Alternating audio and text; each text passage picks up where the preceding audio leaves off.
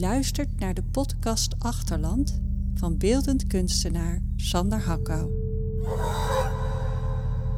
In dit stuk neemt hij ons mee naar de geschiedenis van zijn voorvaderen, beginnend bij zijn oudvader Frederik, die in 1840 vanuit de VS vertrok naar de Verre Oost. Vanaf daar volgen we Frederiks nageslacht stapsgewijs door de eeuwen heen naar het nu, of in ieder geval naar het bijna nu.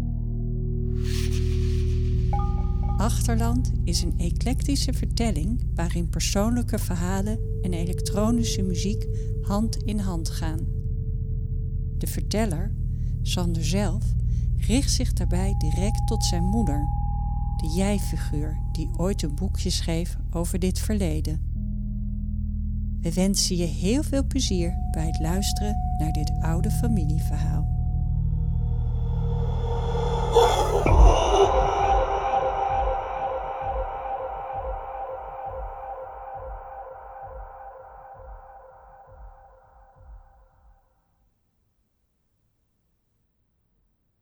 Achterland. Een donker uiterlijk. Niet in de letterlijke zin, maar donker als in de schaduw. Afgelegen in het duister. Het onbekende van ons, en dus ook van mij, jouw zoon. Waar ik vandaan kom, waar ik thuis ben en wat mij uiteindelijk mij maakt.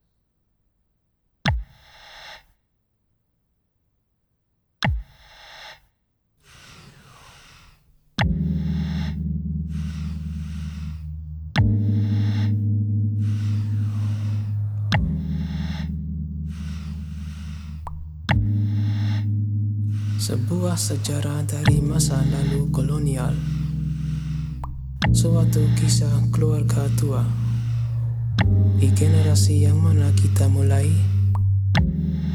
Siapa yang kenal mereka? Geschiedenis uit een koloniaal verleden, een oud familieverhaal. Bij welke generatie gaan we beginnen? Wie heeft hen gekend? Wie weet nog van hen? Siapa yang masih tahu tentang mereka? Cerita-cerita tetap beredar Disampaikan dari satu ke yang lain Berbisik dengan keras Er blijven verhalen in omloop, overgebracht van de een op de ander, hardop gefluisterd, een tijd lang onthouden, dan niet meer. Diingat untuk sementara Lalu tidak lagi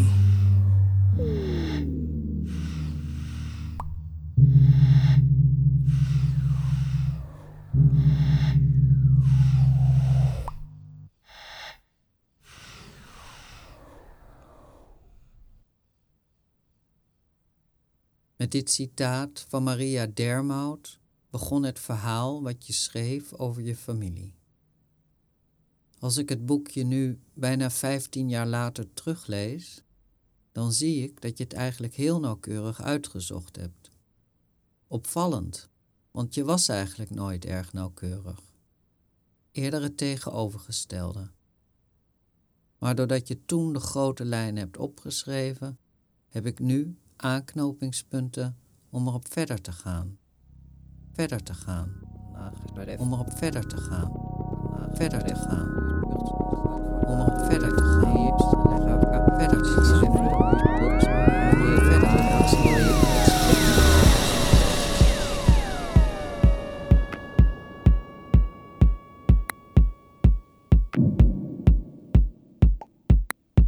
Ik groeide op in de achterhoek en dacht een tijd lang dat dat mijn thuis was, mijn achterland.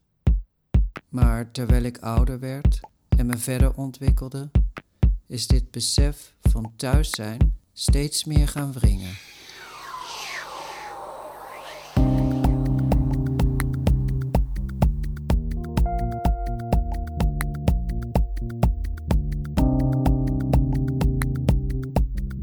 Want wie ging er aan mij vooraf?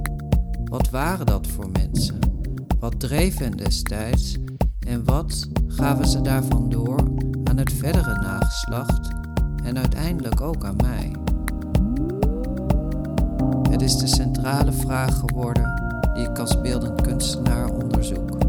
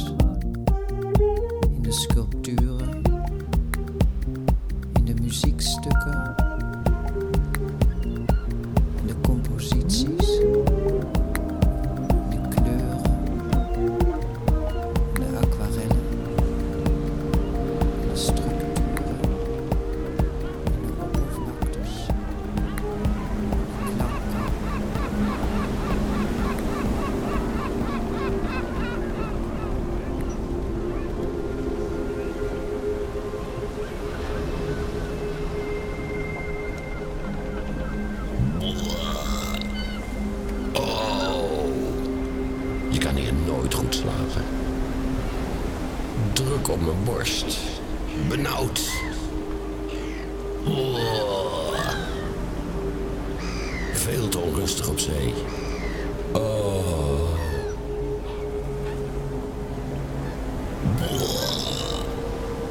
En ik ben alweer misselijk. We hadden niet weg moeten gaan. Alles was prima in Stilwater. Owen en ik hadden een prima zaak. Ook al was het soms sappelen. En nou dit.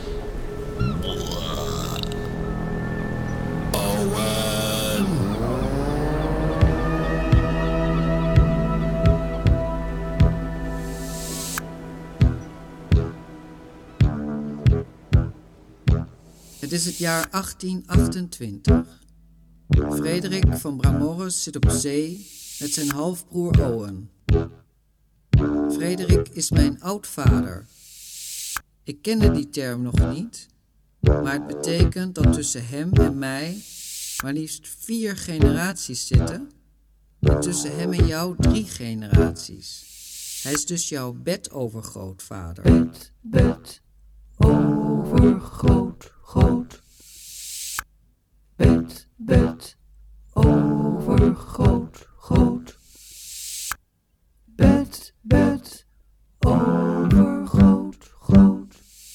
Frederik was een Amerikaan die werd geboren in het stadje Stillwater in de staat New York.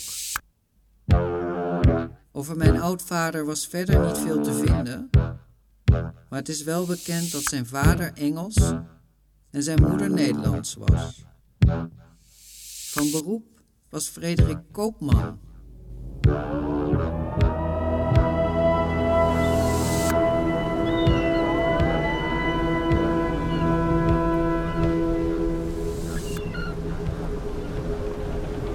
Straks in Batavia zijn, wat kunnen we dan verwachten? Ja, er is werk, maar onder wat voor omstandigheden? Stilwater was klein en afgelegen. Maar tenminste ken ik er de mensen. En spreek ik de taal. Op Java spreken ze alleen maar talen die ik niet ken. Maleis, Nederlands, Javaans, Chinees. En dan de hitte. En het ongedierte. Oh.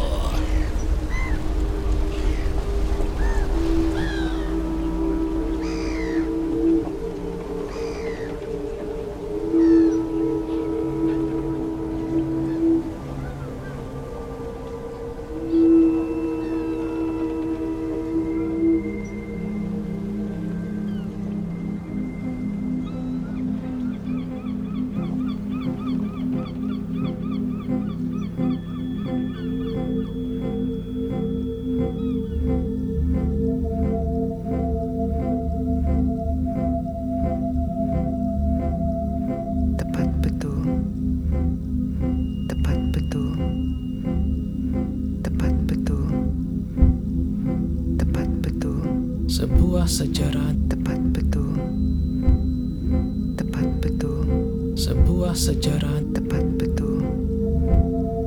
Tepat betul. Sebuah sejarah tepat betul.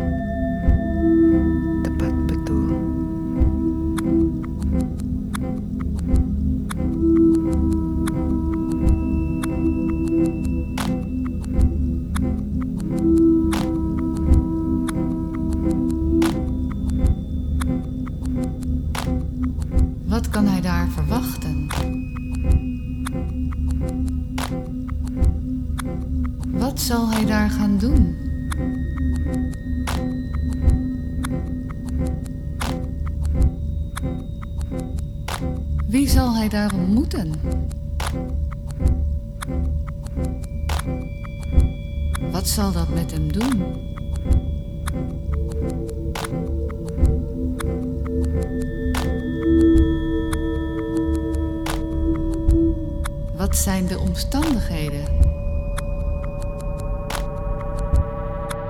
Wordt hij daar gelukkig? Wat zal hij dan gaan doen?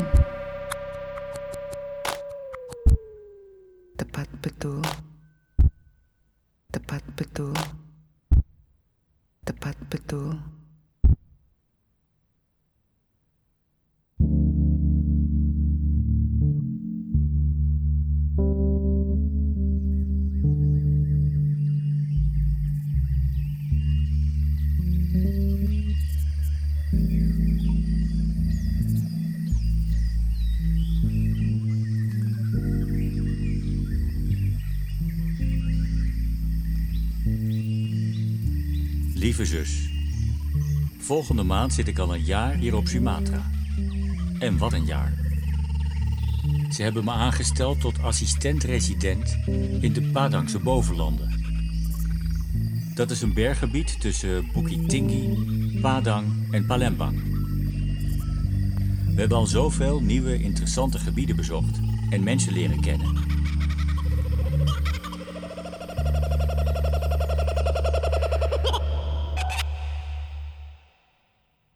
Het is 1874, precies 46 jaar later. We zijn bij Daniel van Bramorus op Sumatra. Daniel is de zoon van Frederik en mijn bedovergrootvader.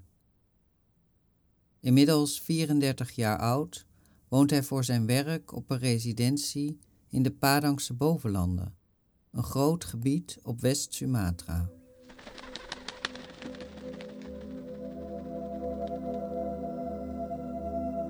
Maar wacht eens even. Een assistent-resident? Wat doet hij eigenlijk? Je hebt gelijk. Wat een goede vraag. De assistent-resident. Wie was dat? En wat deed hij eigenlijk?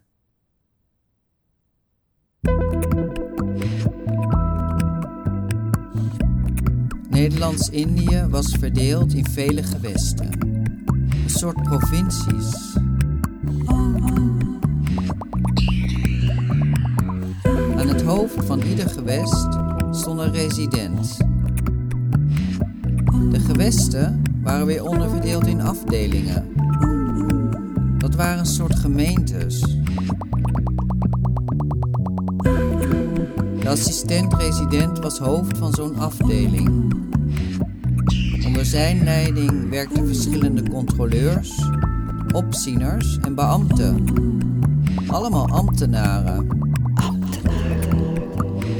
Ze moesten de belasting innen, toezicht houden op de landbouw en verder waren ze er om de orde en om de rust te bewaren.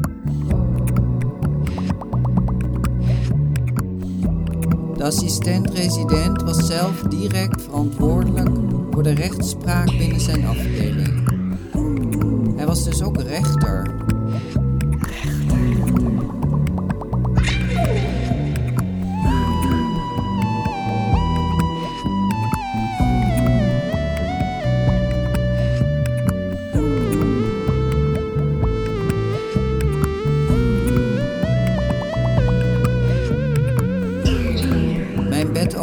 Grootvader had daarmee op jonge leeftijd al een vrij hoge functie, maar hij was ambitieus. Want slechts enkele jaren later werd hij benoemd tot resident van Menado en een paar jaar daarna promoveerde hij tot gouverneur van Celebes. Tot gouverneur van Celebes. Celebes. Gouverneur van Celebes. Celebes. Gubernur Sulawesi. Celebes. Sulawesi.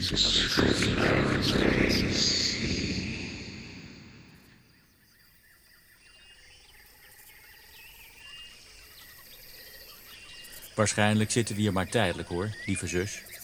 Ik hoop snel resident te worden, zodat ik mijn eigen onderzoeken kan gaan doen. Oh, ik heb zoveel ideeën. Celebes, Nieuw-Guinea. Uiteindelijk wil ik toch richting het gouvernement. En dan met name natuurlijk in Makassar.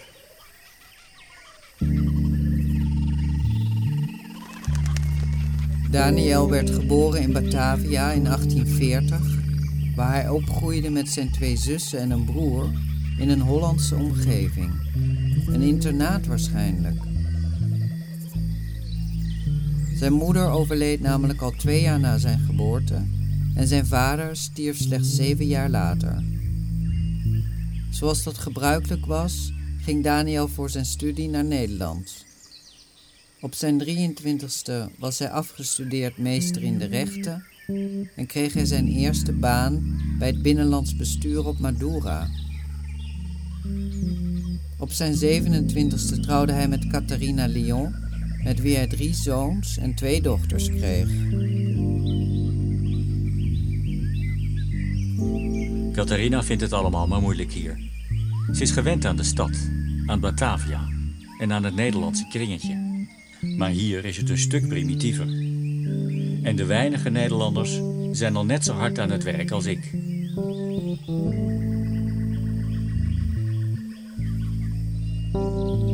Onze jongste Henry is een dapper ventje aan het worden. Hij brengt iedereen aan het lachen met zijn malle koppie. Je zou de hele club eens bij elkaar moeten zien. Frederik, Jacobus, Jeanne, Catharine, Theodora, Françoise, Theodor, Reinier, Nicolaas. Ja, en dan natuurlijk de kleine Henry.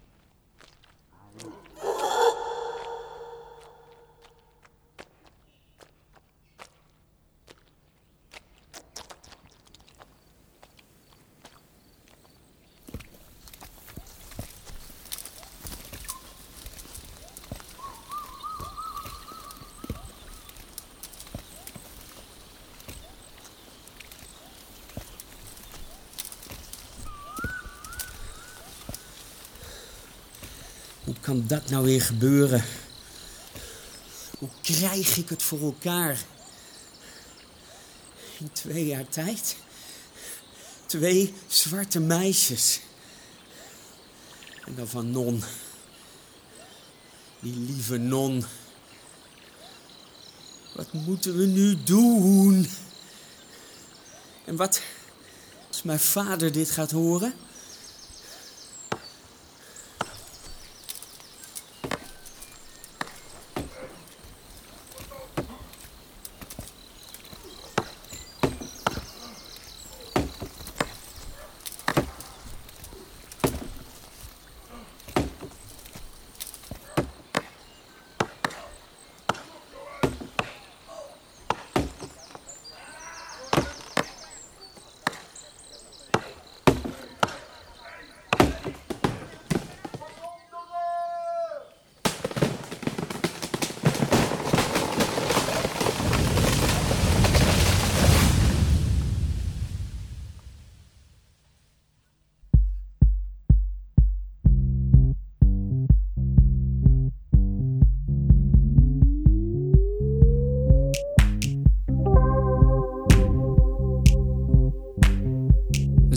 District Grobogan op Midden-Java. Het is het jaar 1902, 30 jaar later. Dit stuk gaat over Henry, of zoals hij voluit heette, Henry Francis van Bramorris, de jongste zoon van Daniel. Henry is mijn overgrootvader.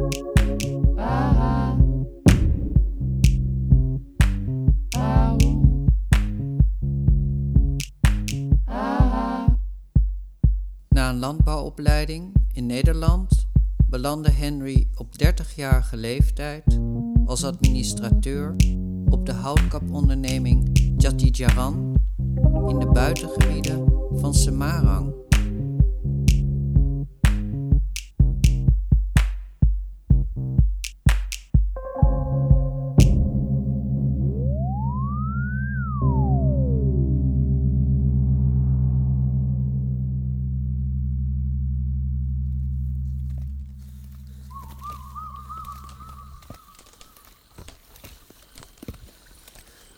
Vind het zo afschuwelijk hier op de onderneming. Waar iedereen zich met alles bemoeit. In Holland deden ze dat niet, maar hier hebben ze niks anders te doen dan roddelen, roddelen, roddelen. En dan deze onderneming. Wat, wat doen we hier nou eigenlijk? Kappen, zagen, kappen en weer zagen.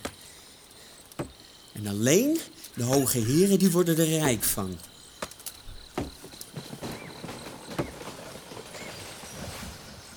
En hoe zullen we de kinderen noemen? Oh, ik, ik ga toch vader vragen. Moet ik ze inschrijven? En, en, en wat moet er dan met non? Vrouw weg? Kinderen houden? Of, of, vrouw en kinderen weg en, en opnieuw beginnen? Of, stiekem naar Nederland vertrekken? En, en alles hier laten vallen? Ah. Wat moeten we nu doen? In je boekje beschrijf je je grootvader als een soort vlierenfluiter, die ondanks al zijn charmes en mooie blauwe ogen niet zo heel veel voor elkaar wist te krijgen in het leven. In Holland had ik tenminste aanzien. En de mensen waren aardig. Ik had alleen die tropenschool nooit moeten beginnen. Die landbouw die ligt me niet. De cijfertjes trouwens ook niet. Ik had beter ambtenaar kunnen worden. Bij het Rijk. Dan heb je verlof, een vast salaris en zekerheid. Ah, ik, voel me zo slecht. Benauwd. Moe. Zo moe. Op de houtkaponderneming woonde Henry op zichzelf. Hij was niet getrouwd, maar hij onderhield een relatie met zijn Indonesische huishoudster Non. Non en Henry kregen twee dochters. De jongste daarvan is mijn grootmoeder Truus.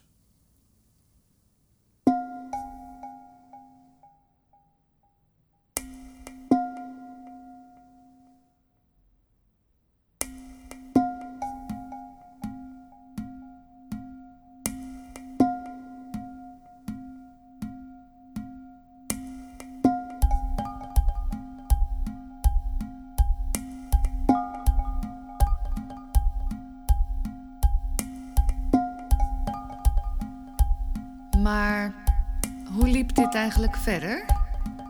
Wat gebeurde er met Non?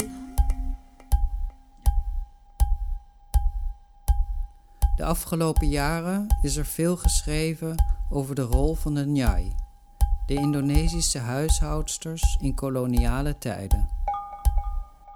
In principe werden deze intieme verhoudingen niet erkend, maar omdat er weinig Nederlandse vrouwen in de buitengebieden woonden, gebeurde het vaker wel dan niet.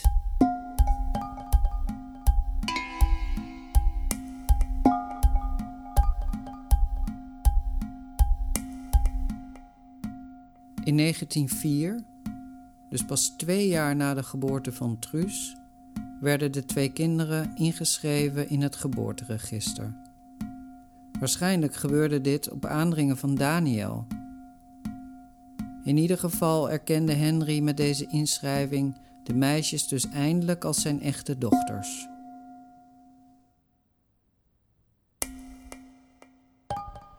Omdat er sprake was van een concubinaat, een relatie zonder huwelijk, werden de kinderen op dat moment toegekend aan de vader en moest Non afstand doen van het moederschap.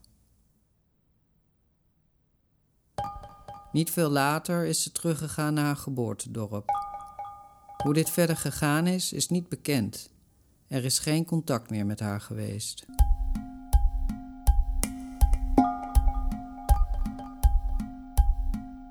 Het is moeilijk voor te stellen, maar als ik er nu naar kijk, met wat ik erover gelezen heb, dan staat mijn overgrootmoeder Non in een eeuwenlange overlevering van duizenden Aziatische vrouwen die op deze manier halfbloedkinderen hebben gekregen, maar daarvan dus geen moeder mochten worden.